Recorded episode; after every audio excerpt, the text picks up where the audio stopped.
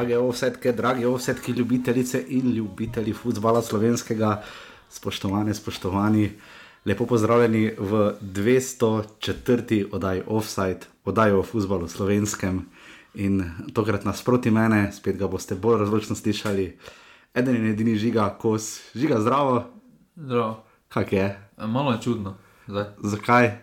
Že dolgo ni bilo v taki obliki. eh, Uh, to je res, nikoli pa še nismo snimali na soboto. Tokrat smo izjemoma zbrali soboto, zdaj in to zvečer, uh, ker ima že ga v ponedeljek Po obveznosti.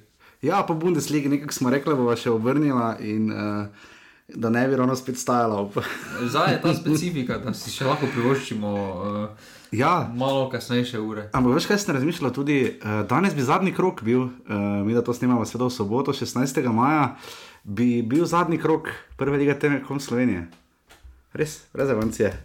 Na današnji dan bi se končala sezona, Torej danes bi Aluminij uh, igral z drugo postavo, ker bi se pripravljal na finale pokala. Ja, igral bi proti Mariboru. Finale pokala ne, ampak Ne, ja, finale pokala ne. Bi v ligi bi igral, v ligi bi Ja, pa igral. bi se borili za četrto mesto, da bi mogoče potem prišli v Evropo. Ja. Mislim, da je bilo to zadnjo uh, kolo definirano, če se prav spomnim. No? Uh, Olimpija bi igrala v celju, ali pa je pa pred zadnjo, zdaj pa lahko pa tudi, da se motim, ali pa je bil 25. maj, ampak kakorkoli že. Po mojem se. Uh, kakorkoli že, prvenstvo bi se da šlo v konca, ampak mi smo še vedno v globoko v 25. krogu.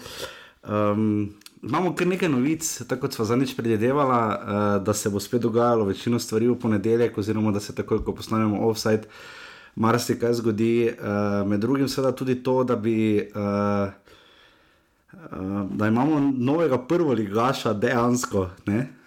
Ja, potrjeno je, da je, je za drugega pa malo nelogična izbira. No. Pač ni nelogična, kot bolj nepravična. No. Zakaj? Ja, Gorica se je mogla pripravljati, kaj dva meseca pa pol. Res, da bi lahko imeli Čakali turnir na- skupaj z na nafto in radomljami, ne?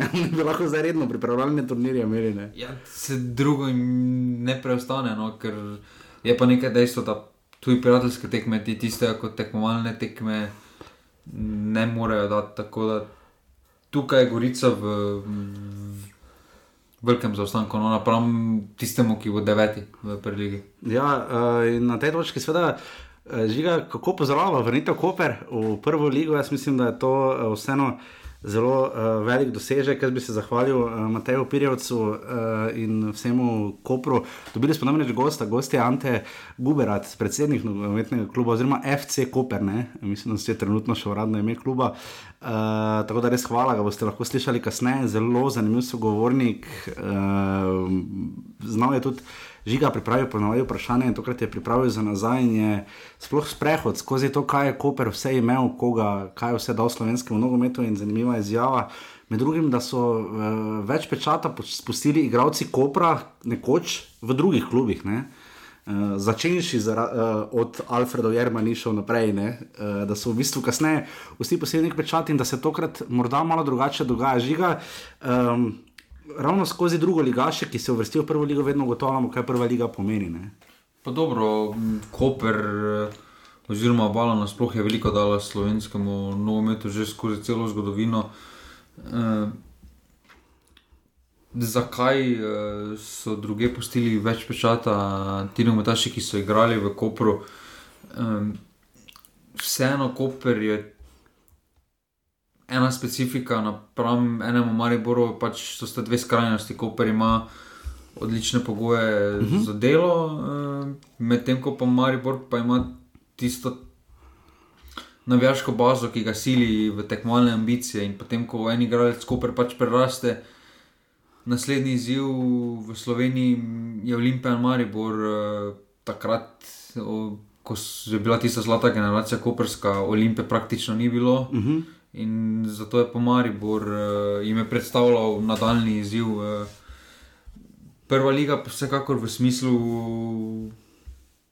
nekih eh, tekmovalnih, ne, tekmo, TV pravic prinese veliko, sponzorji se večkrat pojavljajo, uh, ampak mislim, da z, zdaj na primeru Kopra lahko prva liga bolj gleda, kaj je pridobila s Koprom, kot pa Koper, kaj je pridobil s prvo ligo. Uh -huh. Se strinjam, zelo, do, zelo dobra misel.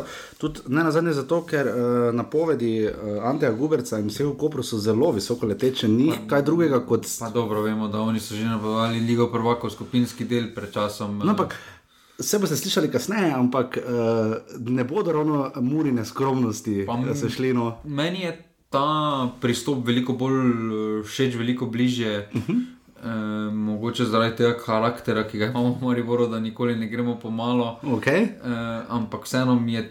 Nikoli ne gremo na empirijo. Ja, nikoli mi ta pristop e, ne, nisem nikoli skrival, vedno mi je bil všeč, e, zakaj bi skrival povej ambicije, kakšne imaš. Vemo, da tudi Mura ima najverjetneje interne ambicije, ima malo više kot to, kar napovedujejo. Meni se zdi, glede na kader, glede na vložek, ki ga bo Koper uh, vlagal, uh mhm. -huh. ki ga že vlaga, uh, primeren, ker vseeno, ko pogledamo Slovensko ligo, uh, vidimo, da ne rabijo biti ekstremno visoki uh, vložki za top 4, za top 5. Uh, in zdaj tudi, če so prvo leto v uh, prvi ligi. Uh, z nekim solidnim proračunom bi se dalo. Ja. Ker eh, tudi kasneje eh, številke so prišle ravno danes uh, ven, uh, poslovna poročila klubov, mislim, da jih devet klubov se da videti. Številke bo kaj rekla, seveda tudi o tem, mislim, da edini, ki manjka zaenkrat je aluminij. Um, in je to zelo zanimivo, namreč. Uh, zdaj, ko se je Koper uvrstil v prvo ligo, uh, malo vse jaz sem zelo datume pomešal. Zdaj se mi zdi, kot da bo, ko se bo liga nadaljevala, Koper noter. Ne, ne bo. Na to bo treba še kar precej časa počakati. Uh, Seveda, prva liga se še uh, niti najmanj ni nadaljevala. Naj bi se v začetku junija še vedno žiga, nimamo datuma, medtem ko so danes v Nemčiji že brcali. Ne? Pa mislim, da bo z naslednjim tednom, ko bo kontaktna vadba dovoljena, mislim, da je realni uh, 6. juni več kot realna opcija, potem se tudi optimalno lahko zaključi mm, prvenstvo. Je pa tudi za Koper ta situacija neka specifika, ker vemo, da veliko tekem druge lige niso odigrali, uh mhm. -huh. zdaj v drugem delu. Vseeno pa se bo na prvo ligo potrebno začeti počasi pripravljati, vseeno dva meseca, oziroma pa tri mesece brez treningov, potem priti takoj na eh, stopničko više, to je kar zahtevno. In eh, tukaj mislim, da bodo nekateri prvoligaši eh, v malenkostni eh, prednosti, če smo uh -huh. za mhm. nekatere prejšnje sezone, za poletne sezone, govorili, da klubi še niso v tekmovalni formi, eh, nimajo še te nogometne kondicije, uh, bo sedaj slika obratna. Vsi klubi, ki bodo obstali v prvi ligi, bodo več kot konkretno v tekmovalni ja, formi. Uh, veliko tekem se mora odigrati v malem času, in uh, tukaj je lahko ta začetek.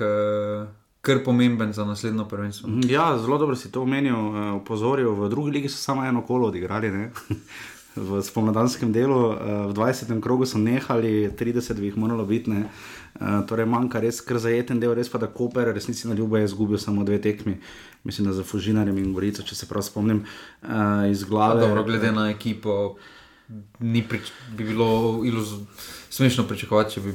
Ja, Gorica je sicer imela samo točko pred Radomljami, ne? tu je vendarle na knap. Pa, uh, dobro, vem, da zdaj to marsikdo ne bo rad slišal, ampak uh, specifika je taka, da jaz bi mogoče letos spustil samo enega v prvo ligo. Uh, kljub temu, da Gorica je, ja, ampak. Kaj si govoril, kaj z Matejem Ražmom? Da... pa ne, tukaj je v drugi ligi nepošteno, zdaj če imajo radomlje ali nafta, če imata neke tekmovalne ambicije, preveliko tekem, premala razlika, je Koper je vseeno uh, več kot ena tekma razlike do Gorice. Uh -huh. In tukaj lahko rečemo, da so zasluženo, ker so pač pokazali, da pa ena točka loči Radomlje pa Gorico. Um, zdaj, da so si bolj zaslužili kvalifikacije, je, je logično, pa ni logično povedati. Pač situacija je letos takšna specifika, da Ehm, mislim, da en klub uh, bi bil več kot dovolj, uh, s tem, da tudi, to smo že na začetku povedali, da uh, ne bo niti pošten boj za Gorico. No? Ker uh, Gorica, tudi če zdaj začnejo priprave, ima dva meseca pol priprav za dve tekmi odigrajo. Ja, to je, to je kar narobe. Ja. Na to je narado bilo pa eno samo, ne? Uh, samo to- ena tekma pol finala. Samo ena tekma.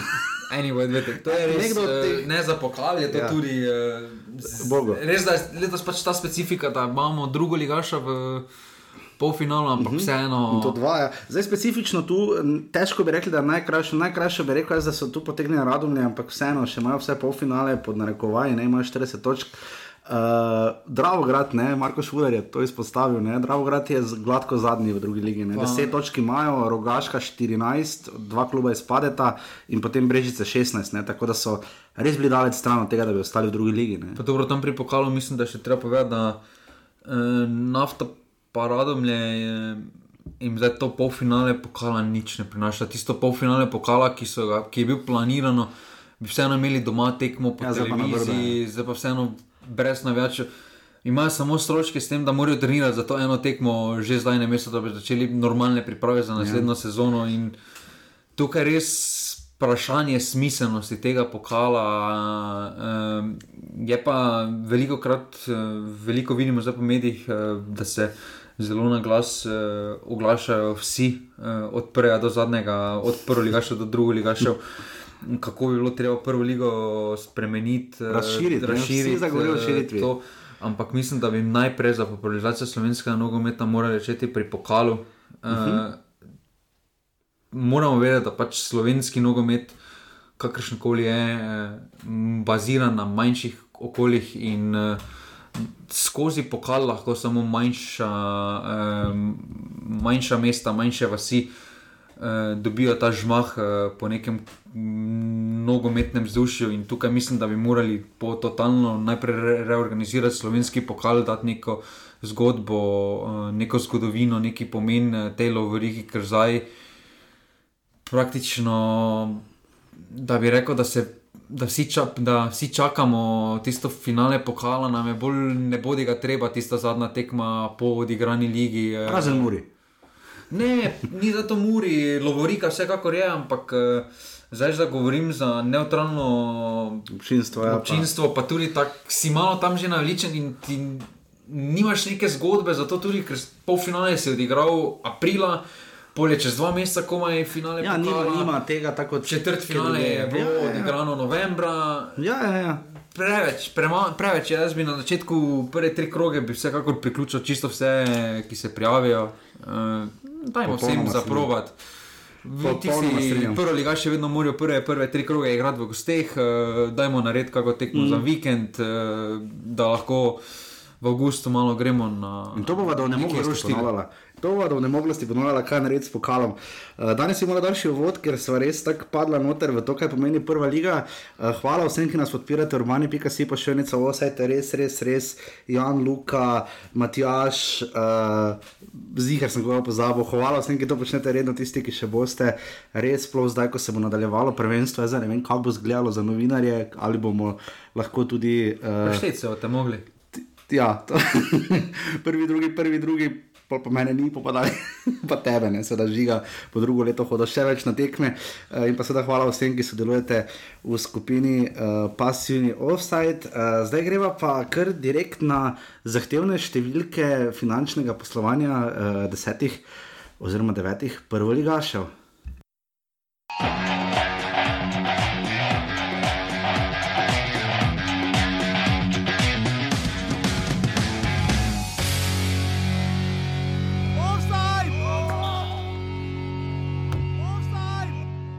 Ok, tokrat smo dala za uvodno temo, uh, po tem dolgem uvodu. Um, lahko bomo prišla seveda tudi do tega, kdo prihaja v Maribor, kaj se dogaja v Olimpiji in vse ostalo, ampak uh, Ker mis- Olimpi spet pestro. Ja, se kdaj ni. Uh, definitivno številke, ki osupnejo na nek način. Uh, to so poročila, uh, zdaj jaz sem jih našel na enem od forumov, vem, da je nekaj SM portal že poročal, mislim, da nekaj malega tudi v preteklosti, nogomanija, zagotovo tudi ekipa.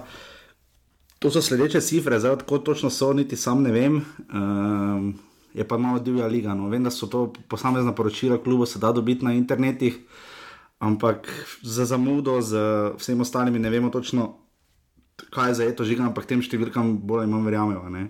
Tudi te, ki si mi jih ti poslal. ne. Um, recimo, Uh, Mislim, da so realni to, kaj se kaže na terenu. No. okay. Razen za primer domžal. Razen za primer domžal, ja, uh, ker imajo, jaz upam, da so zdaj to prave cifre. Te, ne. zdaj, uh, prva številka je ta, ne, da zgolj trije klubi so pozitivno poslovali uh, v letu 2019, zdaj to je zajeto koledarsko leto, ne sezona. Ne. To pomeni 1. do 31.12. Um, zgolj trije klubi in to so domžale, Bravo in Mura. Žiga, uh, kako to razumeva?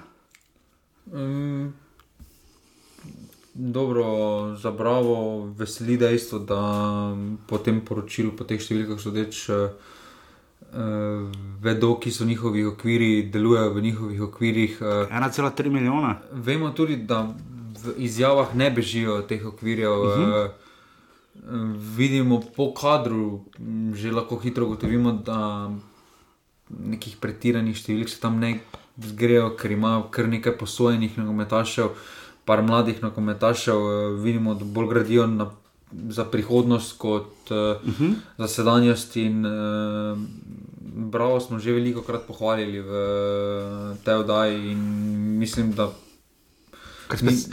Da samo nadaljuje to, kar potrebuje. Domžale pa tudi so se eh, s preteklimi sezonami dobro pozicionirale finančno, eh, si lahko privoščijo neki presežek. Eh, Vedo pa tudi, ki je njihov limit eh, financov in delujejo, eh, vedno gredo do tistega limita, tudi po tistem. Eh, logično je, pri njih že po prestopih, po prihodih, odhodih vidiš, da nekdo pride, ko nekdo komaj gre. Ja, 5 milijonov je bilo prihodkov, ne? recimo v lanski sezoni, mislim, da je 2,6 milijona od tega. Samo tukaj, treba povedati. S prestopom Salzburg, ne? E, prestopi e, Evropa, par e, tudi. Uh, drugih prestopov je bilo kar nekaj, ker so kar prevrtili, tistih manjših uh, se kar nabere, tudi če 50 tisoč, če pač ja, 50 tisoč. Ja. Boljše to kot nič. Uh, in tukaj delujejo v tem svojem limitu. Uh, Bo pa mora... verjetno za 2020 ta cifra pri domžalah precej drugačna. Dobro, jaz mislim, da ko... se ne bo nekaj drastično spremenilo, še vedno vedo, kje je njihov limit. Uh... Ampak 5 milijonov prihodkov za klub, kot je domžala iz takega kraja. Polovica je prinesel Šeško, ne? to je okay. treba povedati. Okay. Uh... Pa še eno si na 2,5-3 milijone, še eno ni malo denarja. Domžale pač ima ta mariborski model, uh, ki je samo. V Sloveniji je mogoče, oziroma edina pot v Sloveniji, če hočeš nekaj presežek delati, da pač moraš, če hočeš imeti malo presežek kvalitete, iti kdaj preko tistega zgornjega limita, ki imaš z fiksnega in pač računati na kakšno prodajo. Vemo, da je Zlatko Zahovič rad podaril, da bolj za normalno obratovanje, potrebuje dvakrat po milijon prodajo, oziroma dvomilijonsko prodajo v skupaj. Uh -huh. Uh, tukaj tudi domžale, mislim, da niso dobena izjema. Uh, Kaj pa primer Mure, recimo 2,3 milijona prihodkov, 2,1 milijona odhodkov? Primer Mure pa pač. Uh, S tem so jim uh, odhodki zrasli, recimo, kar precej napram, recimo 2018, ko so bili še v drugi ligi. Dobro, to je povsem logično, tudi uh, stroški tekmovanja so uh mhm. -huh. predvsem višji, uh, tukaj tudi strošek Evrope je bil štet noter. In, ampak mora deluje tudi po financah, tako kot pač po izjavah, so zelo previdni. Uh, um, gredo stopničko, po stopničko, um, ampak uh, se treba zavedati, da pa ta zgodba, ki pa jo s temi, na rekovajih, nizkimi ciframi, uh, ki se gredo prek Murja, pa je mogoče samo zaradi lokalne podpore, samo mhm. zaradi obiska veliko. Velik del proračuna predstavljajo stopnice. Vprašanje je, kaj se bo zdaj s temi številkami zgodilo v tem letu, in če bo res tako, kot napovedujejo, da še do konca leta naj ne bi bilo večjih prireditev, kljub temu, uh mhm. -huh. da konec epidemije. Ja, za Muro zna biti najbolj grozno od teh klubov. Mislim, da od tukaj, od vseh teh klubov v prvi ligi, je Mura uh, najslabši. Mislim, da skoraj tretjina, celo zna biti tretjina proračuna, če se.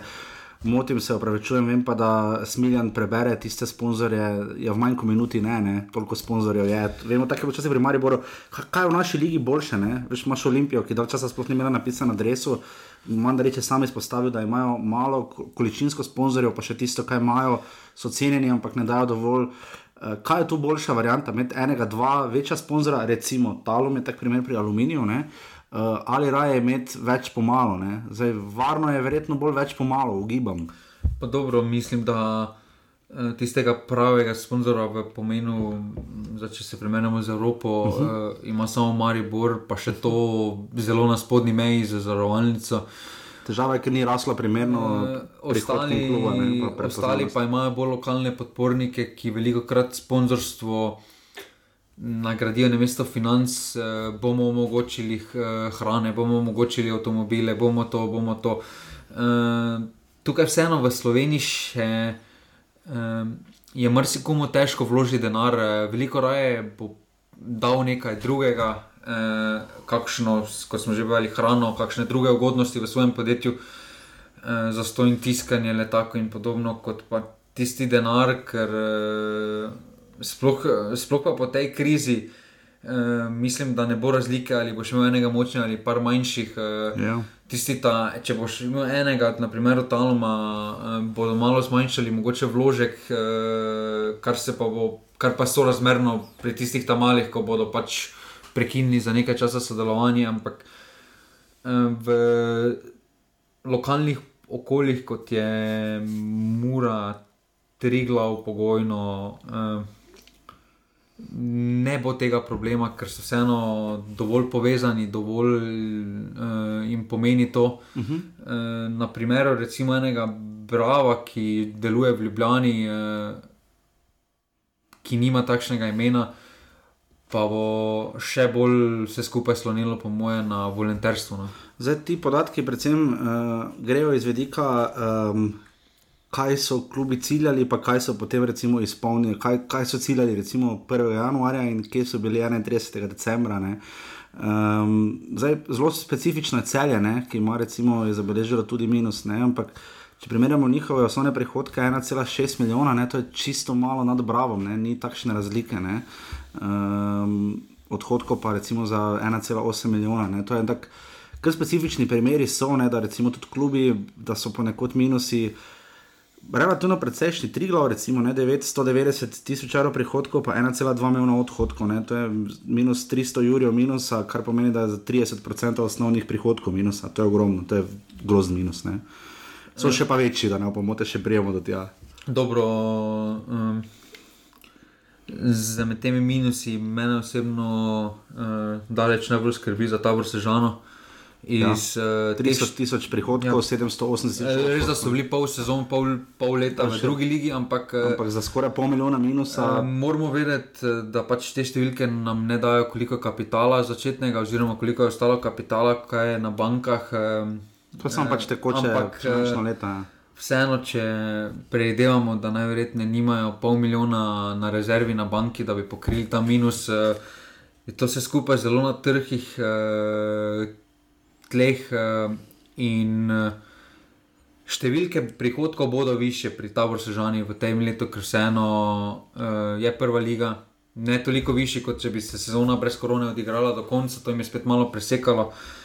Ampak odhodki, pa mislim, da bodo tudi sorazmerno malo večji. E, vemo, da je bilo kar nekaj menjav, e, tudi v tabor, tudi v Sežani, od igralcev do trenerjev, e, do strokovnega štava, na vse zadnje. Uh mhm. -huh. To vseeno nekaj stane in e, tukaj, eh, tukaj mislim, da Tower Sežana um, je to poslovanje planirala, če res uh, glavni sponzor deluje idealno. Pa da koga prodajo, ne?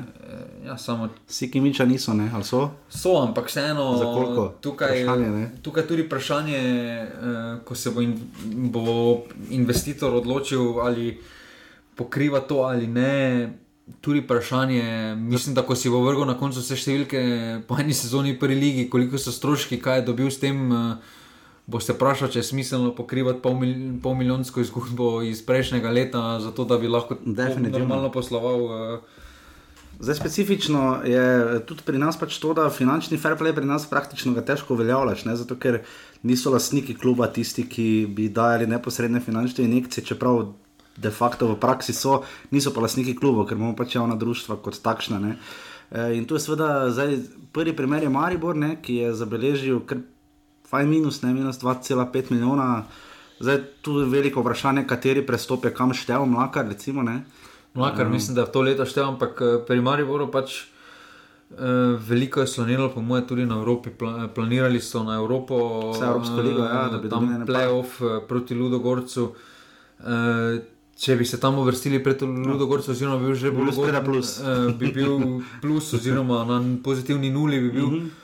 Uh, Vse smo že povedali, to je pač preklestvo tega slovenskega nogometa. da Če hočeš karkoli eh, v Evropi doseči, vidimo, da tudi te številke, ki jih ima Maribor, so zdaleč preniske, da bi računal na resno, na vsakoletno uvrstitev v Evropo.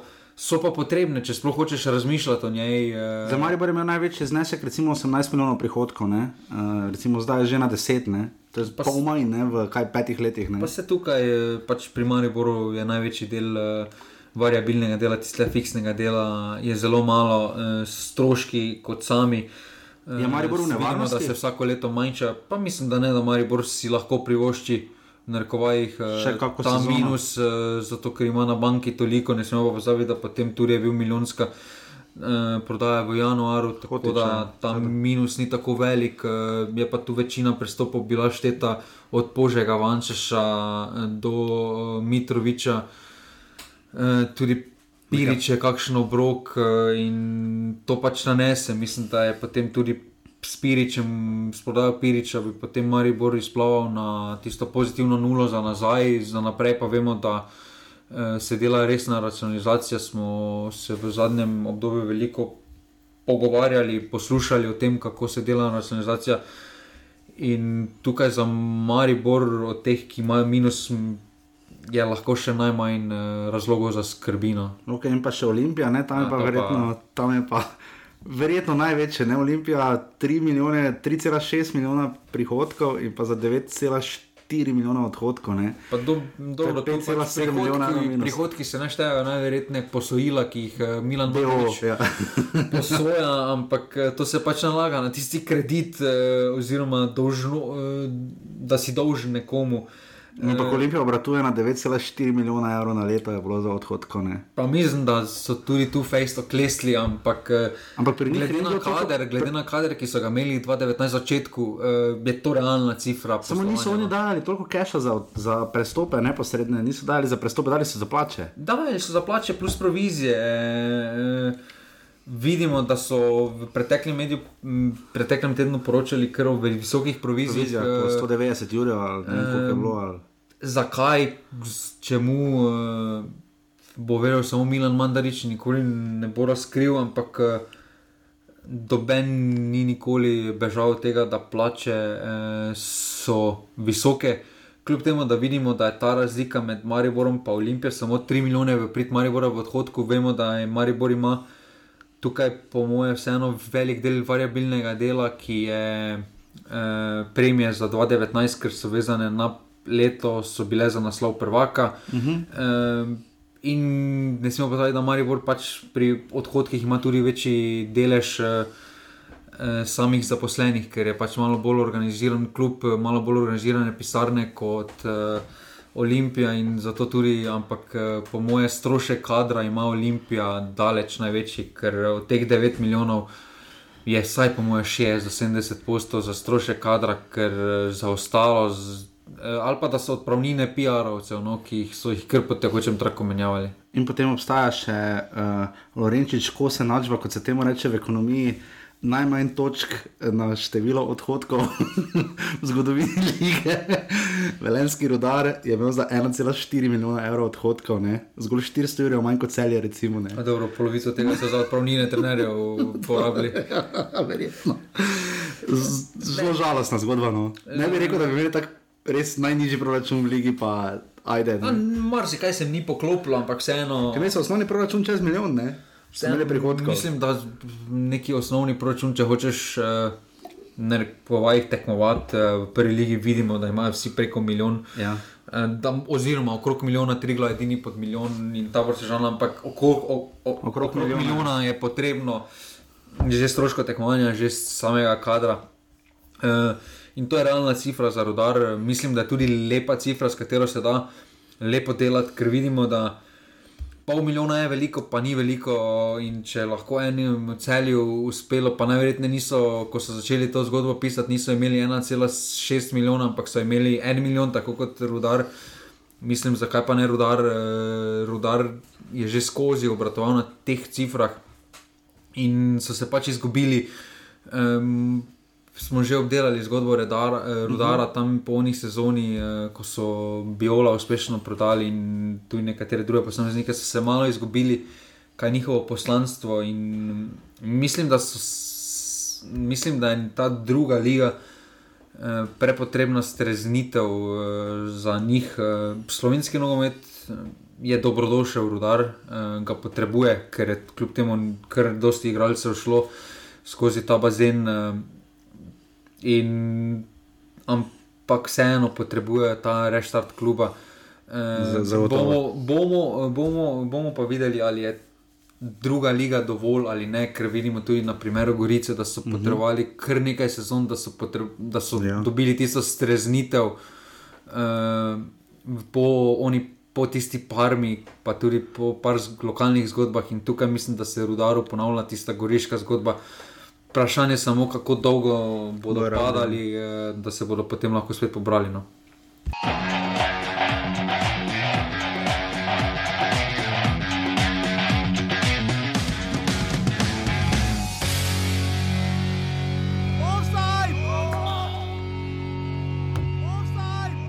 Malo bolj veselim temam, uh, kot je recimo uh, Safet Hažič. Safet, ne vem, če je vesel. Najbrž ne. ne vem, ja, ja, ja, ne, ne vem več, kaj naj rečem. No. Uh, pač nogomonija ekipa, kot žiga to pridno spremlja, videl sem prej, mislim, Miho Zupana na Twitterju je že dal uh, Paninijevo sliko z Italije 90, uh, Tomislava Jukoviča, uh, legendarnega Golmana, seveda penal Brano Maradoni, Italija 90, uh, mi nas žigo smo oba pre, malo premlada. Uh, da bi tisto prvenstvo gledala. To, way, eh, če si star toliko kot jaz, je to prvenstvo, ki ti vsi govorijo, kako je to, da tega prvenstva nisi gledal. Recimo, ste bili na težim, zdaj ne vem, kaj je bilo prvo stano prvenstvo, ki si ti gledal. 2-2 ali 8-9. 8-9, tako malo, tako. No, ampak se skoraj nič ne spomnim. No, ampak to, kot da bi se težil z 94 Ameriko. No, recimo, ne. E, kakorkoli to misli Ujkovič, zakaj ga omenjamo. Ja, omenja se, da naj bi on do konca odvodil uh, sezono. Uh, Žiga. Zdaj, veš, kaj si razmišljal, to, točno zdaj se spomnim. Uh, Olimpija uh, je pod Minom Mandaričem seveda osvojila dva naslova uh, državnih prvakov, ne? oba za tujima trenerjema. Uh, Rodolfo Vanoli in pa seveda Igor Biščan. Ne? Mogoče je to, na to mislim, Minom Mandarič. Ne vem, če misli na to. Jaz uh, pri uh, njemu več ne vem, na kaj misli, kako misli, ker uh, te poteze pa uh, se vidi, da je nekaj drugega v zadju kot uh, tekmovalne ambicije. Po mojem simbolika. Pa niti ni po mojem simbolika kot nekdo. Trenutno Safet Hadžič edini predstavlja neko simboliko Olimpije, bolj moralni. Pa ne, jaz mislim, da tukaj športni direktor, ki bo prej šlej nekdo spet postavil. Kdo?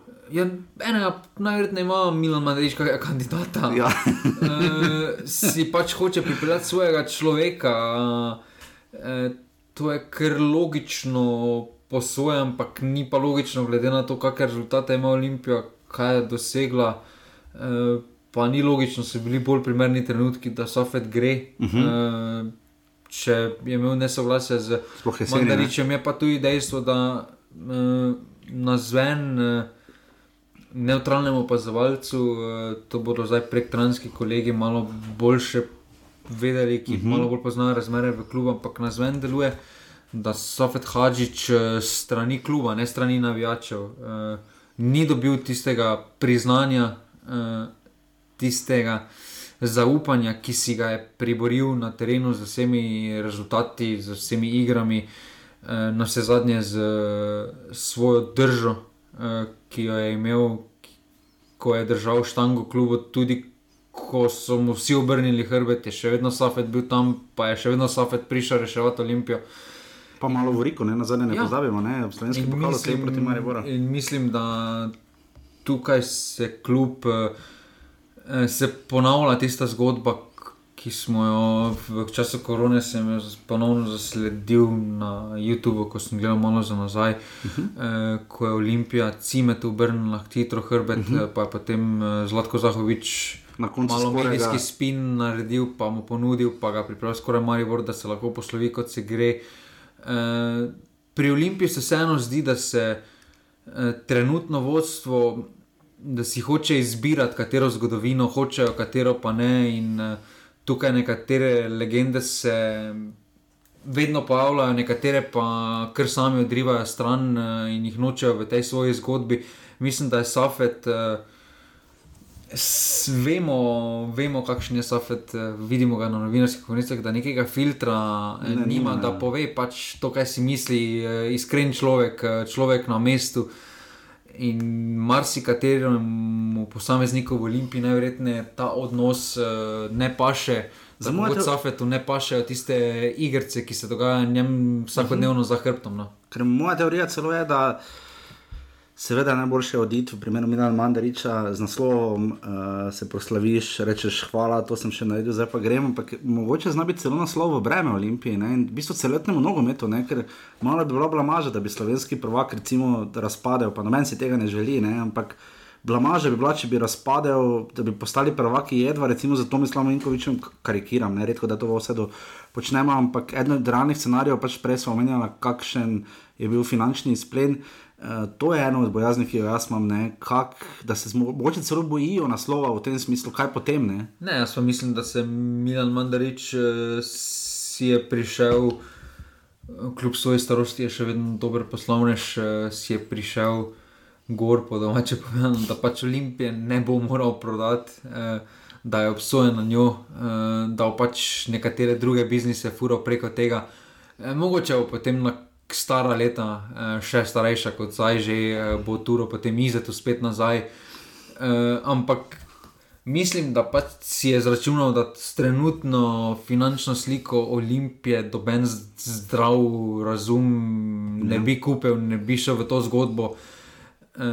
Ker v to zgodbo bi samo šel nekdo, ki ima neko čustveno navezanost na slovenski ja, nogomet. Čustvena navezanost z Ljubljana je pa specifična. No, danes sem bral tekst Esa, da Babačiča v sobotni prilogi dela, ker je oboje spominja na dober stari Bežigrad. Ne, uh, čustvena navezanost pa stožice ne gresta skupaj. Ne. Pa mislim, da. Recimo. Jaz mislim, da že s- s to, oddalj, s to oddaljenostjo eh, od nekatere zgodovine, kljub ki se hoče pač distancirati, eh, radi samo, kot sem že prej povedal, povejo tiste stvari, ki jim gredo v prid, eh, tiste letnice in podobno. Eh, tisto, tiste posameznike, ki pa so za Olimpijo igrali na Nivah v peti ligi, pa so kar porinili na stran, Ja. eh, ni dobene neke. Eh, ni neke, ne vidiš nek, neka, nekega, neke povezanosti, ker vseeno, če bi se to zgodilo v Mariboru, jaz verjamem, da bi tisti posamezniki, ki so igrali za Maribor v peti ligi, dobili dosmrtno VIP. eh, VIP stopnico, pa bi vsi vsako tekmo sedeli, uh -huh. eh, sploh na teh pomembnejših tekmah, da bi sedeli v VIP loži, poleg predsednika. Eh, pač tukaj se mi zdi, da eh, že zaradi te povezanosti, že zaradi te zgodovine, oziroma skrivanja tega zgodovine, mm. eh, investitor nikoli ne bo dobil realne slike, kaj pomeni Olimpija okay. za to okolje. eh, Kaj bi lahko pomenila za tisto okolje, in uh, že z tega ne bo videl celotne slike, ker bo videl samo to. V zadnjih letih vidimo samo, kako se navijači na koncu po nekem ciklusu vedno obrnejo proti investitorju. Vsak ja. investitor, ki pač to vidi, pozna samo Kdo bo to, šel, ja. Pozna samo to zgodbo Olimpije, ne pozna pa tisto, ko so mm. Green Dragonsi hodili z njimi. Ivančno Gorico in podobno. Litije, vrhnike in vse ostalo. Ja, vala, seveda. In tu se poraja eno vprašanje, ključno za na tej točki, bolj kot se bo seveda bližalo nadaljevanje prvenstva. Ne pozabimo, Olimpija ima po 25 krogih na prvem mestu. Uh, Relativno varno zalogo, ampak ne pa brezskrbno zalogo. Ne. Ima 50 točk, cel je 45, tako kot Aluminij, Maribor 43. ne. Um, iz vidika borbe za naslov, uh, za odhod Marka Putinčanina smo ga prejšnji teden omenjali. Uh, Maribor se bo krepil, ampak to je vse velja za drugo sezono. Uh, zdaj, tako, zdaj še FIFA ni nič objavila. Nič, ampak verjetno za do konca sezone boš igral s kadrom, ki ga imaš, ne, ne moreš zdaj pripeljati. Ja, razen če bomo šli rokometni scenarij. en teden, en, drugi teden, drugi. Okay, dobro, to je, to je drugo, to je, kdo bi rad roke gorja. Uh, čeprav ravno Olimpija je bila proti, uh, kolikor vem, to je nogomanija poročala. Zdaj, pa, meni se zdi logično. No. Ja, ker deset ja, klubov so vprašali za nadaljevanje prvenstva, devet klubov je bilo za in bojda Olimpija ne, za, za širitev. Za širitev, pardon, za širitev lige, jaz so rekli, ne za končanje, ja, se upravičujem. Uh, ti, bi, ja, ti bi bil proti, jaz ne bi bil. Uh, v vsakem primeru Olimpija torej ima 50 točk, žiga uh, dogajanje v Mariboru. Um, Je specifično Oliver Bogatino, je dal kar specifičen intervju Dejanu Mitroviču v ekipi, uh, očitno to plito sodelovanja tudi na tej ravni. Um, zelo drugačen pristop, očitno bo obiral Maribor. Jaz mislim, da bo to lažje za Oliver Gatinova kot druge, za druge v klubu. Uh, zelo odprt je bil, ker nekaj stvari je povedal, med drugim uh, tudi Maribor se bo krepil, zdaj pa ne vem, ali gre za, ali bo Ažbej Juk prišel kot Golman. Ali pa Elija Martinovič, ne, kot uh, steber obrambe aluminija. Glede na intervju, uh, se o Martinoviču razmišlja samo še uh, tisti uh, jug, pa koliko je vsem že znano, eh, koliko krožnih Mariborov je že vse skupaj dogovorjeno eh, in tudi usoda Kena Napiriča s tem zapečatena. Eh, mislim, da je Maribor, to smo že povedali, ko je Bogatino bil nastavljen, obral neki drug pristop, vidi se, da Bogatino se zaveda svoje vloge, se zaveda pomena besed, ki jih bo izrekel, da bo vse skupaj bolj donelo. Eh, glede na pozicijo, ki ima sedaj v slovenskem nogometu, po drugi strani pa ohranja to svojo držo, to eh, iskrenost, eh, ni dobenega skrivanja. In mislim, da je to vseeno dobra neka kombinacija. -hmm. Tudi jaz, tudi glede tega zagotovo. Tako da tukaj tudi, glede na vse skupaj, kaj se govori, mislim, da si je izbral prave tarče. Je našel tista mesta, ki jih Maribor muči. Uh, pozna se pač to, da je bil kakorkoli pol leta, ni bil totalno v zgodbi. Je bil v zgodbi, pa je bil vseeno neki zunanji opazovalec, uh, ima neko drugo uh, sliko, uh, ne ve celotne slike, kakšne so bile odnosi, kaj se je dogajalo, vse skupaj. In z tega vidika neke prevrtitve, mislim, da je on uh, zelo kompetentna oseba. Uh, da je po drugi strani pa tudi zelo smiselno za Maribor, uh, takšen športni direktor, ki je postil uh, marsika, na marsikaterem mladem nogometašu zelo dober, uh, pozitiven vtis. Uh, Skozi mladinsko šolo, in tako pri Kopru, kot uh, pri drugih klubih, uh, da ga vežejo lepi spomini na njega, na Bogatinova. In mislim, da tukaj, uh, v smislu to, kar smo Mariboru učitali, kaj je bila neka statistika, da Maribor najmanj priložnosti mm -hmm. mladim daje. Mislim, se zelo pisa. Zelo pozitivno in bogatinov to uh, s pridom izkoriščeno. Ok, jaz sem Handanovič.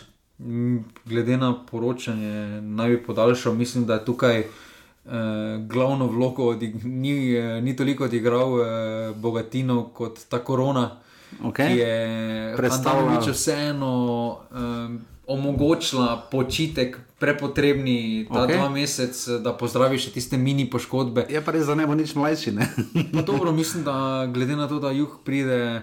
Da, Hranovic smo videli že letos, da ko treba vstopiti, da ga ne moti, če ni tekme odigral, da še vedno je več kot konkretna ukrepitev torej za slovensko ligo. No. Sodeč po tvoji razlagi, Pirič več za Maribor, skoraj da ne bo brano. Papirič, mislim, da boš odbranil, da si še malo zvišal ceno skozi te uh, eh, slovenske tekme, ampak uh, več ali manj glede na to, uh, kdo prihaja, da je sora zapečatena. Je pa s tem potezo tudi Maribor uh, naredil odlično potezo, saj se je rešil tujca na Goru. Ja, na, no. go, go, na, ja, na vratarski poziciji, kjer je to. Res uh, specifično, samo to bi še omenil, da se mi zdi, da še reko se bo, več tako danes, ko sem gledal Borusija Šalke malo, uh, pa potem res vidiš, kako to zgleda brez gledalcev. Uh, pri, pri, pri dvoboju za naslov, četvero boje za enkrat, no, še ampak uh, Maribor se bo zelo hitro zavedal, da ima sedem točk minusa. Ne? Bolj kot Olimpija, da ima sedem točk plusa. Dobro, mislim, da trenutni poziciji, ki je Maribor bi mu prisotnost gledalcev, sploh na domačih tekmah, uh, kljub tej spremembi pozitivnemu vzdušju, uh, bila v malo breme. Torej, pravi, da je celo boljše, da bo Marijo igral, da prvo gre tako vem, žale. Mislim, mislim, da ni nič slabega v tem, da ima ekipa prepotreben mir, da ni tistega pritiska. Boste pritisk ustvarjali ob tekom medijev, ampak kljub temu, da Marijo vsi radi ponavljamo, sem dal kar tukaj v množino da bomo dali čas ekipi, eh, da če bo mlad igral, bomo mu pustili dihati, tudi če bo kakšna napaka. Pa si zamislimo, da bi recimo Major prvi, prvo tekmo v Domžalah izgubil, pa bi deset pik bilo že zadaj, potem domači tekmi, pa recimo da remiziraš prvo domačo tekmo, pa se ti potem začne to spet kot elit, pa se ti začne neka negativna energija, ki se lahko zgodi doma. Ja. Uh, izvajati in tukaj z tega vidika. Ja, Maribor ima pa tem aluminij doma. Mislim, z tega vidika bo, je Maribor eh, ne v prednosti, ampak mu koristi to, je pa po drugi strani je pa v škodi. Ker napram konkurentov ima eh, največjo podporo doma in bi lahko kakšen kanček eh, eh, točk več lahko nabrali in s to podporo, če bi se pozitivno, ampak eh, vedno ima dve zgodbi, ampak tukaj je na neki nuli, Maribor, no, ni negativno, pa ni pozitivno. Kako pa vidi tudi Maribor in odhod z, uh, Zahoviča in Milaniča, uh, ali se bo lahko prerinti po odhodu Milana Mandariča, pa se bo zdaj, ko smo že napovedali, razgovoril uh, predsednik uh, FC Koper Ante Guberac.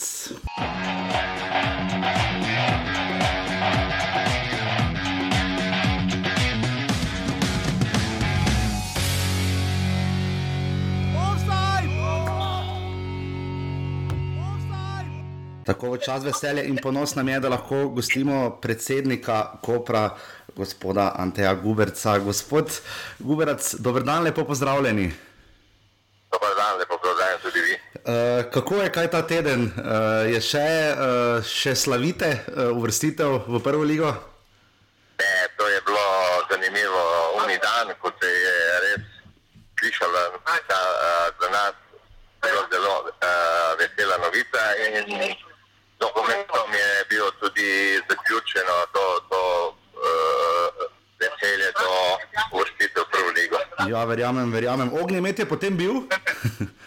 Ognjemet je bil, tako da jaz mislim, da tudi za, za ljudi malo, malo heca, ker je, je bil čas, da se kopel zbudi iz korone in to je nogometni klub kopel tudi uprizoril, tako da so ljudje lahko uživali v res krasnem ognjemetu. Kaj je zdaj prišlo uh, za vami, vse, ko ste se končno uvrstili v prvo ligo? Kakšno je zdaj razmišljanje? Slovenska liga bolj potrebuje Koper ali Koper potrebuje, potrebuje bolj prvo ligo? Mislim, da to je vzajemna potreba. To pomeni, da Koper rabi prvo ligo in prva liga rabi tudi Koper. In jaz uh mhm. -huh. mislim, da to dve, to dva gre skupaj. Tako da sem jaz prepričan, da bomo mi od avgusta, ko bo začela nova sezona, uh, navdušeni uh, teh uh, privržencev nogometa. Tako da je bo sigurno bo Koper osvežitev in bo liga, sem prepričan, tudi bolj zanimiva, kot je bila. Ja, verjetno tudi ste kar razmišljali o tem, koliko Koper prinaša. Ne, ne na zadnje spomnimo se samo pokalnega obračuna z Mariborom, ne, tisti je bil kar odmeven, sicer ste potem bili neuspešni proti aluminiju, ampak postaja liga po vašem boljši produkt zaradi tega? Sigurno, sigurno uh, vemo dobro, da je Koper vedno bil izvir uh, dob, dobrih talentov, tako da je tudi uh, klub s tradicijo in vedno se je boril za najvišja mesta. Še enega uh, tekmeca in, in uh, sem pripričan, da, da z Mariborom Olimpijom mora se tudi vračati na stara pota, tako da države so močne. Tako da jaz mislim, da bo liga kar zanimiva in da bo dru, drugo leto, uh, ne glede na te težave, ki jih vsi imamo z, zaradi korone, uh -huh. uh, še bolj zanimiva kot je -huh. Zasledil sem, da vas zanimajo samo najvišji cilji. Kaj to pomeni? Kak, kako, kako, kako se bo Koper vrnil uh, v prvo ligo? Eden od recimo, modelov je ravno Mura, ki ste omenili. Ne? Oni, ko so prišli v prvo ligo nazaj, so bili kar ekspresno v Evropi. Ne? Jaz sem prepričan, da bo tudi dosegel minimalno to, kar je mora. Uh mhm. -huh. Kaj ti vemo, smo tudi se imeli možnost prepričati na teh Mariborom in Olimpijom, da je Koper že danes, oziroma že par mesecev nazaj, bil zelo, zelo uh, kakovosten in uh, se je brez, brez težav uh, enako vredno kosov in z Mariborom in z Olimpijo. Maribora smo celo premagali, uh -huh. z uh, Aluminijom pa nam je malo zmanjkalo malo športne sreče in tudi če ne bi bilo do poškodbe gali, če to, ker vemo, koliko je pomembno vprašanje, uh -huh. sem pripričan, da bi tudi tudi aluminija izločila. Mhm, ja, tam je bilo kar na tesno. Uh, morda mi to povete, uh, kakšna je bila izkušnja vaša, zlasti zdaj v drugi ligi, je razširjena, kar precej konkurenčna, Koper je sicer izgubil zgolj dve tekmi, ne? na koncu uh, bil kar relativno suvereno na vrhu. Kaj ste vi ugotovili? Lotili ste se tudi z malo bolj izkušenimi igravci, tudi uh, ne na zadnje Miran Srebrnič je zelo izkušen trener. Kakšna je bila vaša izkušnja, kaj je potrebno, da nekdo zmaga drugo ligo? Pete, jaz sem vedel, vedel, da je druga liga zelo kvalitetna. Ampak uh mhm. -huh. lahko zdaj lahko povem, nisem vedel, da je, da je res tako, tako, tako kvalitetna. Znači, dosti bolj kvalitetna, kot smo si mi pričakovali pred, pred samim vstopom v ligo. In uh, je bilo tudi začetek, na začetku samega prvenstva, se tudi vidi, da smo imeli tudi določene težave. Uh mhm. -huh. In uh, dejansko, če hočeš premagati drugo ligo, moraš biti vsaj 30 do 50 močnejši od, od ostalih uh, nasprotnikov. Kajti jaz sem vedno menjal, da je lažje biti v prvi ligi četrti kot v svoji drugi ligo. Mhm. to je kar drzna trditev. Eh, kaj pa, kaj pa uh, vidite zdaj v prvi ligi? Recimo, uh, lani ste prišli v prvo ligo, Bravo in Tabor. Kako se recimo z njimi primerjate? Kako vidite njihovo zgodbo skozi vaš, kaj bo vaš princip, recimo v primerjavi s tema dvema kluboma? Ne? Glede, bravo je zadnja leta res izrasel iz nič v močen klub. Uh mhm. -huh. Težana, vemo, tudi je počasi zrasla in je tudi ekipa vredna spoštovanja, ampak uh, jaz uh, nočem uh, podcenjevati niti tabora, niti eh, brava, ampak Koper je Koper, Koper je, je nogometno mesto in sigurno je, uh, ima za sabo tradicijo in uh, sem prepričan, da bo tudi to, to svojo premoč in to, uh, to tradicijo na igrišču tudi prezentiral od, od Dunja. In, uh, uh, je res, da, da, da, da so tabor in, in uh, bravo, jaz upam tudi uh, ostali v lige, ampak Koper je nekaj drugega, Koper je klub, ki se mora vedno boriti za govorike in to bo tudi, to bo tudi bodoče uh, uh, delo na tem. Mhm, kako, bo, kako recimo, zdaj prekmurski, eh, prekmurski pardon, primorski nogomet? Eh, na eni strani seveda tudi tabor kotira seveda iz tistega konca, Gorica se še bori in upa, da lahko prva liga prenese tri klube iz recimo, tega območja? Uh, mislim, da lahko, lahko uh -huh. ker, ker ti, uh, tabor, tabor, kot vidimo, gradi ekipo bolj uh, z teh koncev. Gorica je bolj domača, Koper pa je strnjen temu, da bo tudi v bodoče tudi Koper rado bolj domači ekipi. In uh, jaz sem uh, zagovornik tega, da v kvalifikacijah Gorica ima več prednosti od prvoligaša, ne glede, ne glede na to, kdo bo, kdo bo deveti, kajti Gorica ima dovolj časa, da se dobro pripravi. Uh -huh. uh, uh, prvoligaši pa, je, pa vemo dobro, kaj jih čaka. Uh, hiter začetek prvenstva potem ubi tačan uh, ritem, sreda nedelja, sreda nedelja. Tako uh -huh. da mhm. jaz mislim, da bo Gorico čakal zelo, zelo uh, utrujen nasprotnik in tu vidim prednost Gorice, da se v, v, v eni tekmi dejansko uh, sveža in bolj pripravljena plasira v prvo ligo. Kakšen bo kader Kopra v prihodnji sezoni? Lahko pričakujemo kakšne odmevnejše ukrepitve zdaj igralcev, ki so pustili pečat v Kopru, šli potem v tujino ali ne na zadnje v druge slovenske klube, zlasti kar nekaj jih je odšlo tudi v Maribor. Uh, računate tu še na kakšne starejše izkušene igralce, boste raje stavili na mladost, kakšen bo recept? Več, uh, izkušene, jaz vedno rečem dober slab, ampak uh -huh. uh, tudi, tudi na mladost moramo gledati. Uh, uh -huh. Tako da jaz mislim, da dovolj izkušenih imamo tu, tu Pršič, Galešič, eh, potem je Ivica. Tako da in bodoče moramo bolj gledati bolj na mladost, to pomeni in bomo uh, se uh, izključno odrli na, na mlajše igralce, to pomeni igralci od, od 22 do 28 let in, in čim več uh, jih bomo probali pripeljati, ki so naredili korake in Tako da uh, interes je, da bo Koper že v prvi ligi čim bolj domač. Mhm. K- Kako, v- kako bo z proračunom? Vem, da ste že v minuli sezoni večkrat podarjali, da imate praktično prvoligaški proračun. Koliko vi mislite, da je potreben znesek, recimo, da se tekmuje z najboljšimi omenjenimi, Mariborom, Olimpijo, Domžalami, Muro? Recimo? Veste, normalno, zdaj ta korona je naredila svoje, to vemo uh -huh. dobro. Uh, tudi pri Olimpiji zmanjšujejo plače, pri Mariboru zmanjšujejo plače. Uh, Koper je pa tudi v drugi ligi imel prvoligaški proračun, tako da jaz mislim, z z dodatnih 10 do 15 odstotkov, da bo uh, uh, Koper konkurenčen uh, v prvi ligi za borbo za vrh.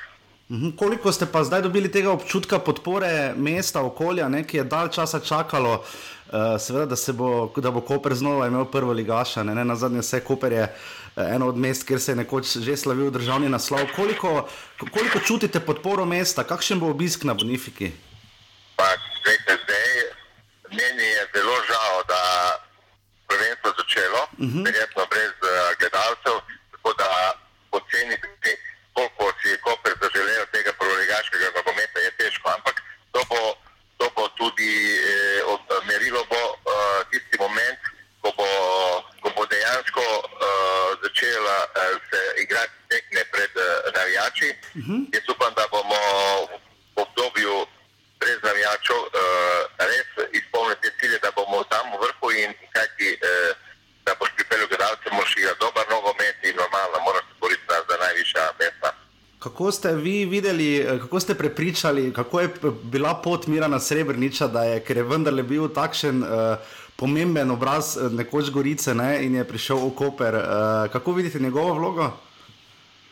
Glejte, Miran, uh, največje zasluge normalno pripadajo uh, trenerju in igralcem, uh -huh. ker uh, oni dejansko igrajo, oni so tisti, ki, ki so zaslužni za to. Mi smo pa, da normalno, da jim delamo support, da jim uh, uh, uredimo maksimalne pogoje in uh, potem tudi od njih zahtevamo. Uh, jaz mislim, da osvajati lige ni lahko. Koper je najprej osvojil četrto, tretjo, zdaj tudi drugo in tudi uh, z osvajanjem druge in tretje lige je Milan dokazal svojo kvaliteto in uh, sem prepričan, da bo v takem nizu nadaljeval tudi naslednje leto. In morda ob koncu Koper je res pustil kar nekaj pečata v slovenskem nogometu. Ne? Imate vi sami kakšno, ne nujno celo enajsterico, ampak kdo je pa vaše pustil največji pečat, se bo morda kdo od teh igralcev še vrnil. Ne? Recimo, eden izmed teh takih igralcev je recimo Aleksandr Rajčevič, ne? nekoč tudi Viler. Kar nekaj igralcev je včasih igralo v Kopru, se včasih celo morda pozabi, da so tam recimo uh, delali svoje prve uspehe. Ne? Kako vi vidite, na, vi, vi gledate na to preteklost? Glejte, jaz, jaz bi rekel tako, uh, ogromno igralcev, uh -huh. ki so dali eh, ogromen pečat slovenskemu nogometu, so malo dali za nogometni klub Koper. Uh -huh. uh, če gremo od generacije Vili Pečaj, Benedejčič, uh -huh. Jermanč, to svoj pečat so vsi pustili v, v drugih klubih. Uh -huh. uh, če pa se ozremo na Koper uh, in pogledamo, dejansko s Koprom niso osvojili nobene lovorike. Uh -huh. Če gremo potem na mlajše generacije in, in, in po, po, pa se ozremo malo na Rajčeviča, na Vilerja, na Volaša, uh -huh. uh, tudi te fantje so dejansko svoj pečat pustili v Mariboru. Znači, v, Bi- v Kopru nič, nič takega odmevnega niso naredili. Uh -huh. Jaz bi se raje ozrl na to generacijo, ki, ki uh, je naredila skupaj z Miranom Pavlinom, uh -huh. je prišel do titule, potem uh -huh. so tu, potem so uh, Hasič, ki ima prvenstvo dve lovorike, potem je Ivica, ki ima prvenstvo in tri lovorike. Uh -huh. Tako da, da dejansko te, te legende so premalo so dale za Koper, ampak to so bili drugi časi, fanti dejansko Koper je, je bil v osta- osamosvojitvi neurejen klub, vemo dobro, da so finančna situacija bila vedno slaba, tako da fanti niso krivi, eh, da so dejansko dali ogromno slovenskemu nogometu in, in Kopru, Kopru zelo, zelo malo. In zdaj, verjetno se bo to spremenilo, boste skušali čim bolj nekako enotno ekipo narediti, ne? da boste lahko tekmovali z najboljšimi. Ne? Zdajte, mi smo, meni je žal generacije eh, leta 2015, uh -huh. ki je takrat osvojila kup in tudi enakovredno se kosala z Mariborom. Uh -huh. -huh. Kajti, če se ozremo na tisto finalno tekmo, je v, v, v prvi enajsterici bilo šest fantov 20 in pod 20 let. Uh -huh. Na klopi pa, če rečemo na klopi, pa so sedeli danes eh, reprezentanti Blažič, uh -huh. eh, Leo Štulac, uh -huh. eh, eh, Pučko. Eh, in mi je zelo žal, da je, da je prišlo do razpada te generacije po mojem odhodu iz, iz kluba. Koliko pa mislite, morda ob koncu še prihajate v prvo ligo, zdaj nekaj sprememb, eh, do neke spremembe, ki je prišlo, ne Zlatko Zahovič in Darko Milanič sta odšla iz Maribora, Milan Mandarič je praktično že napovedal svoj odhod. Eh, Kako tu vidite ta nekak dvoboj, troboj, Mura je poskušala nekako se približati domžale, so imele kar relativno spodletelo sezono. Je to glavna priložnost Kopra? Ja, jaz to vidim veliko priložnost Kopra. Uh -huh. Ker vemo dobro, jaz uh, Olivera, odličen strokovnjak, uh -huh. uh, tako da ga ne gre poskušati, ampak vemo dobro, uh, lestica v Mariboru je bila postavljena visoko in uh, uh, držati eh, to lestvico tako visoko bo zelo, zelo težko. Ampak eh, in glede na to, da, to, da verjetno tudi Milan gre, dejansko se bo tudi pri Olimpiji, jaz ne vidim enega takega, ki je pripravljen dati toliko za nogomet, kot je Mazarič vlagal in jaz eh, dobesedno eh, pričakujem tu priložnost Kopra in sem prepričan, če pride do tega, da jo bomo znali tudi izkoristiti. In upamo, da bo seveda čim več razborljivih tekem na Bonifiki. Gospod Gubec, najlepša hvala, da ste si vzeli čas in komaj čakamo, seveda, na nadaljevanje prvenstva in pa potem uh, na vrnitev Kopra v prvo ligo. Hvala vam. Hvala, nasvidenje, adijo.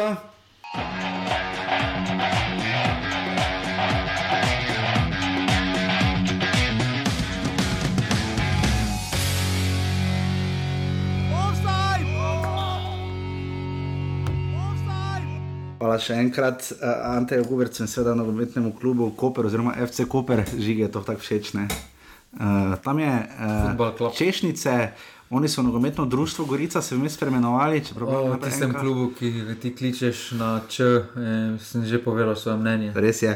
Uh, Mauro Kamoranezi je že nazaj. Ne vem, letalska karta se tiska, še ne tiska. Ne Upam, da je eno. Videla sem, da je Lukas Marijo Horvat prišel domov eh, v reportaži Simona Šparovca iz Kidričevega, njemu je uspelo priti nazaj. Mislim, da je že skrajni čas, da se ga vrne kamoranezija, ker vseeno. Zdaj s ponedeljkom, s ponedeljkom bo jasno, kdaj se bo liga nadaljevala, dovoljeni so kontaktni treningi. Mislim, da je sedaj, če lahko ta prvi. Teden ali pa dva, malo preguraš, malo prešvinglaš z kondicijskim trenerom, da vse skupaj malo na fiziki deluje, obrneš na to smer. Ne moreš pol več, sploh glede na to, da igraš za obstanek, eh, tvoji konkurenti pa trenirajo na polno. No. Ja, tudi Facebook algoritmi pridno vejo, koga najbolj spremljamo. Vem, da so domžale recimo javile, da se je vrnil, uh, mislim, na Matijas Kajt, ker koli je že on bil. Uh, Predrag Sikimič, recimo tudi, da so vsi z dovoljenjem prišli nazaj v Slovenijo, uh, Matijas Kajt, povratek iz, Esto iz Estonije. Ja. Čas potovanja 24 ur se je vozil Matijas Kajt v Slovenijo. Uh, to je kar zanimivo, žiga, ne? viš pa je prišel domov, lepo. Uh, tako da, ja, Andrej Razrh je prezdravil pre tudi Nikolo Vladinoviča in Predraga Sikimiča. Uh, teh potovanj je kar zanimivo, res, da igralci niso ostali, pa trenerji tam, to so že zadnjič omenjali, da je to kar. Nekoliko specifično. Um, Vmes je še videl informacijo, da je Klariča ravno izbrala, uh, da tudi oni prosijo za kaj premostitveni kredit. Ne, ne vem pa, koliko nogometni klubi dobivajo kredite, da danes ne vem, pojma nimamo, glede na lasnino. Uh, Žiga, kaj bi še tukaj koli poudarjala, ta teden nekaj informacij, vedno več je, se mi zdi, prejšnji teden sem se bala, o čem bo govorila, danes je oddaja temu primerno daljša. Ne? Ja, zdaj sem malo se igral na Google Flights, res je kar težko najti za Argentine letno. Tukaj verjamem, ta problem, ker zdaj sem se kar minuto ali dve igral, pa moraš kar biti kreativen. Ampak to sem že prej povedal, da je malo neodgovorno, da pustiš trenera v Argentino, če veš, da se bo liga enkrat nadaljevala.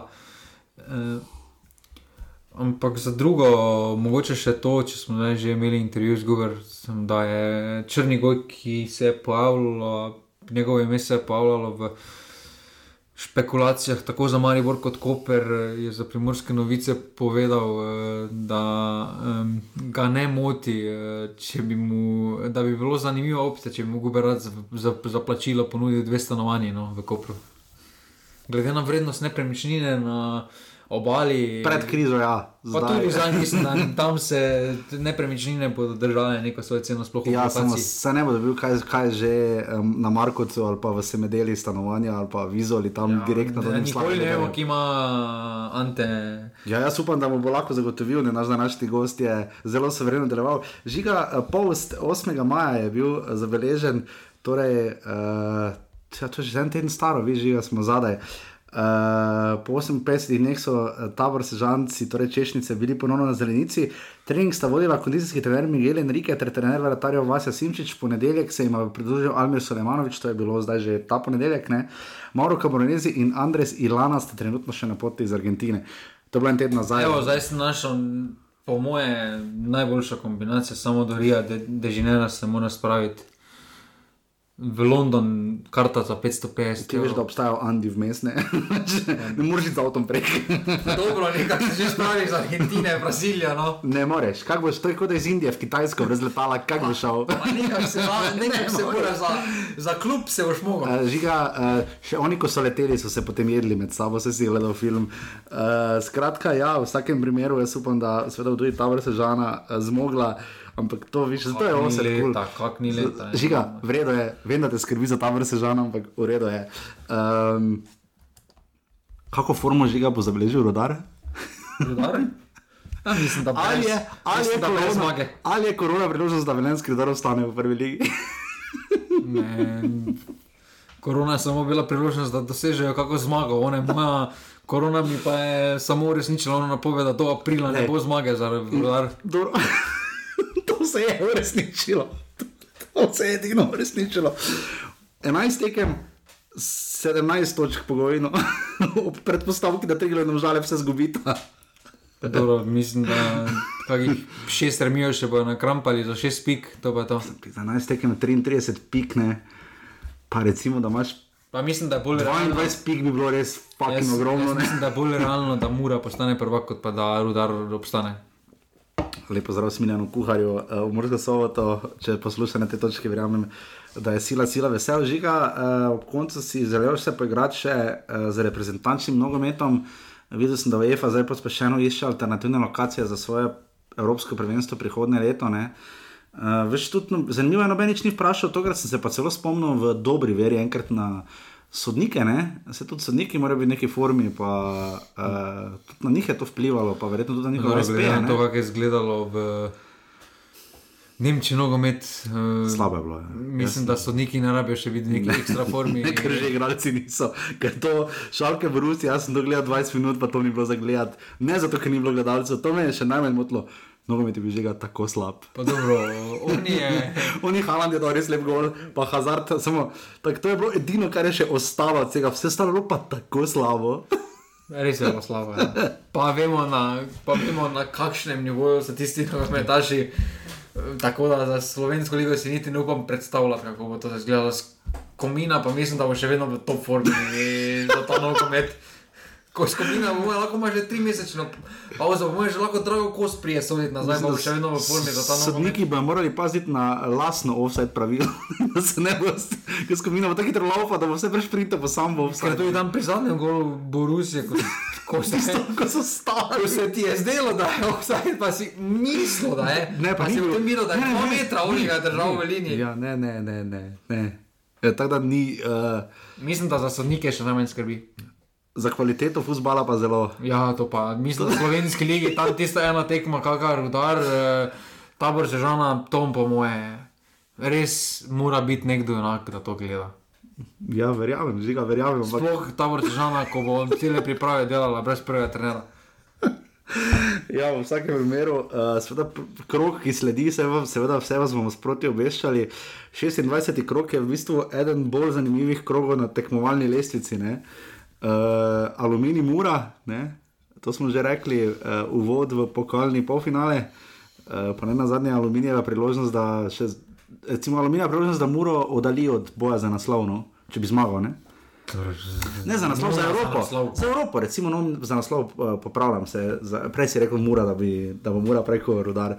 Prvak, uh, da bo dali muro od Evrope skozi ligo. Ne? Uh, recimo. Dobro, Mura se je sama oddaljila z začetkom španskega dela od Okay. Evrope. lige. Tabor Sežana Olimpija, ne? Eh, to bi bila še tako eh, lahko resna tekma, ker tabor je bil kar v solidni formi. ne. Uh, mislim, da Je bilo pod Olimpija Komornizem- Celje. Ne, Eh, tabor Sežana, jaz tu zagledam uh, 26. krok. Tabor Sežana, ja, ta krok je. Tabor Sežana Olimpija, t- glede na to, da je tabor res dobro cel je rudar, derbi, ne. Tu Tak, kaki derbi. bi nekoč bil. Bravo, tri glavne, zelo pomembna tekma za oba kluba. In pa domžale Maribor, ne, glede na to, da domžale rabijo vsako piko, Maribor pa je tudi. Da se bil- mislim, da oba dva kluba Ja. rabita vsako piko. Teda še 26 krok je, glede na to, kaj smo videli na zadnje, eh, veliko obetav, ampak glede na to, kaj smo videli danes v Nemčiji, močno dvomim. no. Jaz sem močno dojim, že ta cel je eh, da ne To? menjam bravo tri glav, to pa res, to mu je. 6. junija ob 2 pri 32 stopinjah. Na vreme ni noben pomislil, ne? vreme zna biti hud problem. Ne, ker tudi. Junija zna biti Ker kar se, vroče. ker se vidi, da tudi če ful pogrešaš nogomet, kar smo ga pogrešali, Ne, to za ni zagledati. Ne, ne, ne. ne. to, to res ni. Pa so bili štiri goli na tekmi Borussia Šalke, pa bi rekel, Že okay, tista super. tekma, prva poletna tekma v pripravah, boljše zgleda kot to. Dobro, razen ko, Mario, misliš, ona generalka ja, ona, Ne, ne, pr, čisto prva tekma. ono, ko gre Maribor igrati Ne, kam je igral, za- oni debeli golman, ko je bil, ko se je... Ne, pa zdaj pravim, zdaj pravim Borusije, recimo. A Ja, gledaš- okay. ne, tisto, ja, ne, ja, uf, za glavne klube, ja, ko grejo v Ameriko, pa te pizdarije, ja, ne tisto zgleda zmišljeno. Ja, ampak glede na to, kako je. To zdaj- to izgledalo, pol pa če to zdaj predpostavljamo, da je podobno v Sloveniji, pa vemo, kako prvi, prve tekme. Prva liga bo zgledala izgleda. tretja liga. Pa ne vem, no, jaz mislim, da tretja liga v neki tekmovalni formi lahko da koga nažge. Viš, zato je najboljše offset poslušati do konca. Viš, in, uh, zdaj še le vidimo, kako huro delo bodo imeli selektori, ne, kaj naj naredijo. Uh, ker do takrat, ko se bo spet brcal reprezentančni nogomet, v najboljšem primeru je jeseni, pa še to ne vsi, pa sploh vprašanje če ne. V najslabšem meru pa še le drugo leto, to pomeni, da so selektori izgubili eno celo leto sploh. Kaj se bo s kvalifikacijami zgodilo tako naprej? Pa dobro, vse kvalifikacije za stovno prvenstvo se premaknejo, tako da bi bile mišljene potem jeseni drugo leto, ne. Liga narodov bi bila jeseni, ne, da. Ja, ampak glede na to, da drugo leto Evropsko prvenstvo, se je štelo leto na Evropsko prvenstvo pripravilo. Ja, mi ne. Ja, mi ne, ampak polovico Evrope, ne. To je, ampak govorim za Matjaža Keka, ne? Zdaj, kaj bo zdaj za njega kot selektor relevantno? Pa tudi zdaj bomo imeli problem, recimo, Še vedno bo, po mojem, najbolj relevantno tisti prejšnji spiski, razen če ne bo zdaj res nekdo zgledal kot raketa. no, ampak recimo, ker imamo primer, recimo v Nemčiji, dobro, nimamo dosti igralcev, uh, v Nemčiji, v Bundesliga Nobenega imamo, ja, Kampla, pogojno, ki je Nimamo, danes da. začel tekmo po koliko leto dni. Ni naš. No, ampak ima pravico nastopa za Slovenijo. Nima V več. Franciji pa sploh imamo koga? Smo imeli, no? No, na igrišču, igralca. Pa še vedno bi lahko Luka Ježner igral, glede No, na to, to, je, to je res. On je tudi redi. Redi ste digov. Pravim samo, recimo, da imaš razliko, da recimo v Nemčiji bo zdaj igrali en mesec, dva, v Franciji pa sploh ne. Recimo, ne? Sporan za selektorja, recimo za selektorske zadožitve, mislim. Bolj me skrbi za Buhar. Ja, kaj pa s Polsko? Na Polskem ne samo Bohar, tam imamo res kolonijo, tam imamo 13 igralcev v prvi ligi, koliko ne. Samo Buhar je vseeno Buhar. Mi imamo v Polski več igralcev v prvi ligi, kot verjetno v treh klubih slovenskih skupaj, igralcev igra v prvi postavi, skoraj da. Dobro, če zdaj Olimpijo pa tabor vzamemo, ja. Ja, no, ja, pa smo že pri dveh klubih.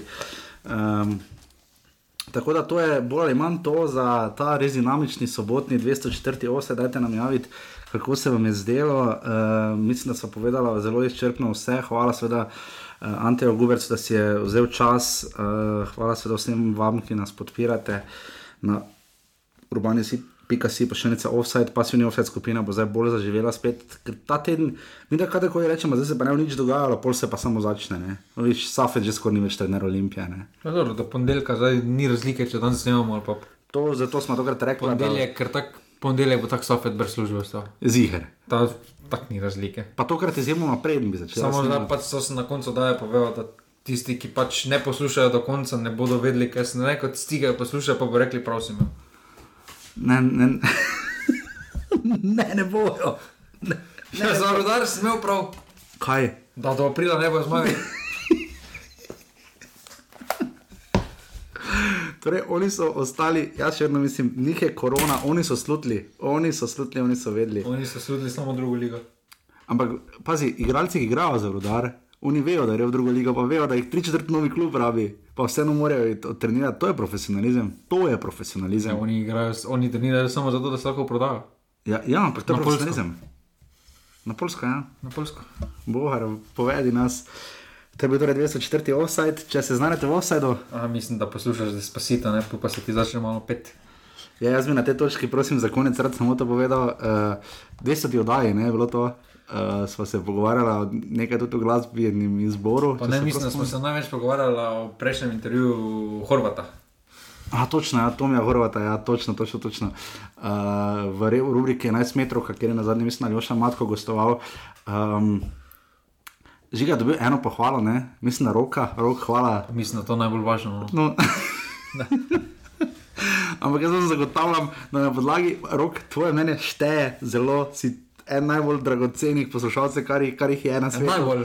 Da ne bomo skrivali. Pa ni, najbolj- to ni grilec. Ne, Ne grilec, grilec. vidite zadavo z spasitom ne? in to s kitarsko struno. Ampak Ma, mislim, da treba vprašati, kaj, mislim, da njega despacito tudi ne ima to, če bi svoj belgijski pokal, pa bi to vse v garderobi tri ure vrtelo. to je. Mislim, da bi plesal. To je res. To je plesalo te mi dva. So roko, no, roko. jaz ne bi na belgijski Oba sta pokal rok, plesal. bi. Žiga, najtera se tem v Murski soboti od leta 95 plešejo na slovenski pokal.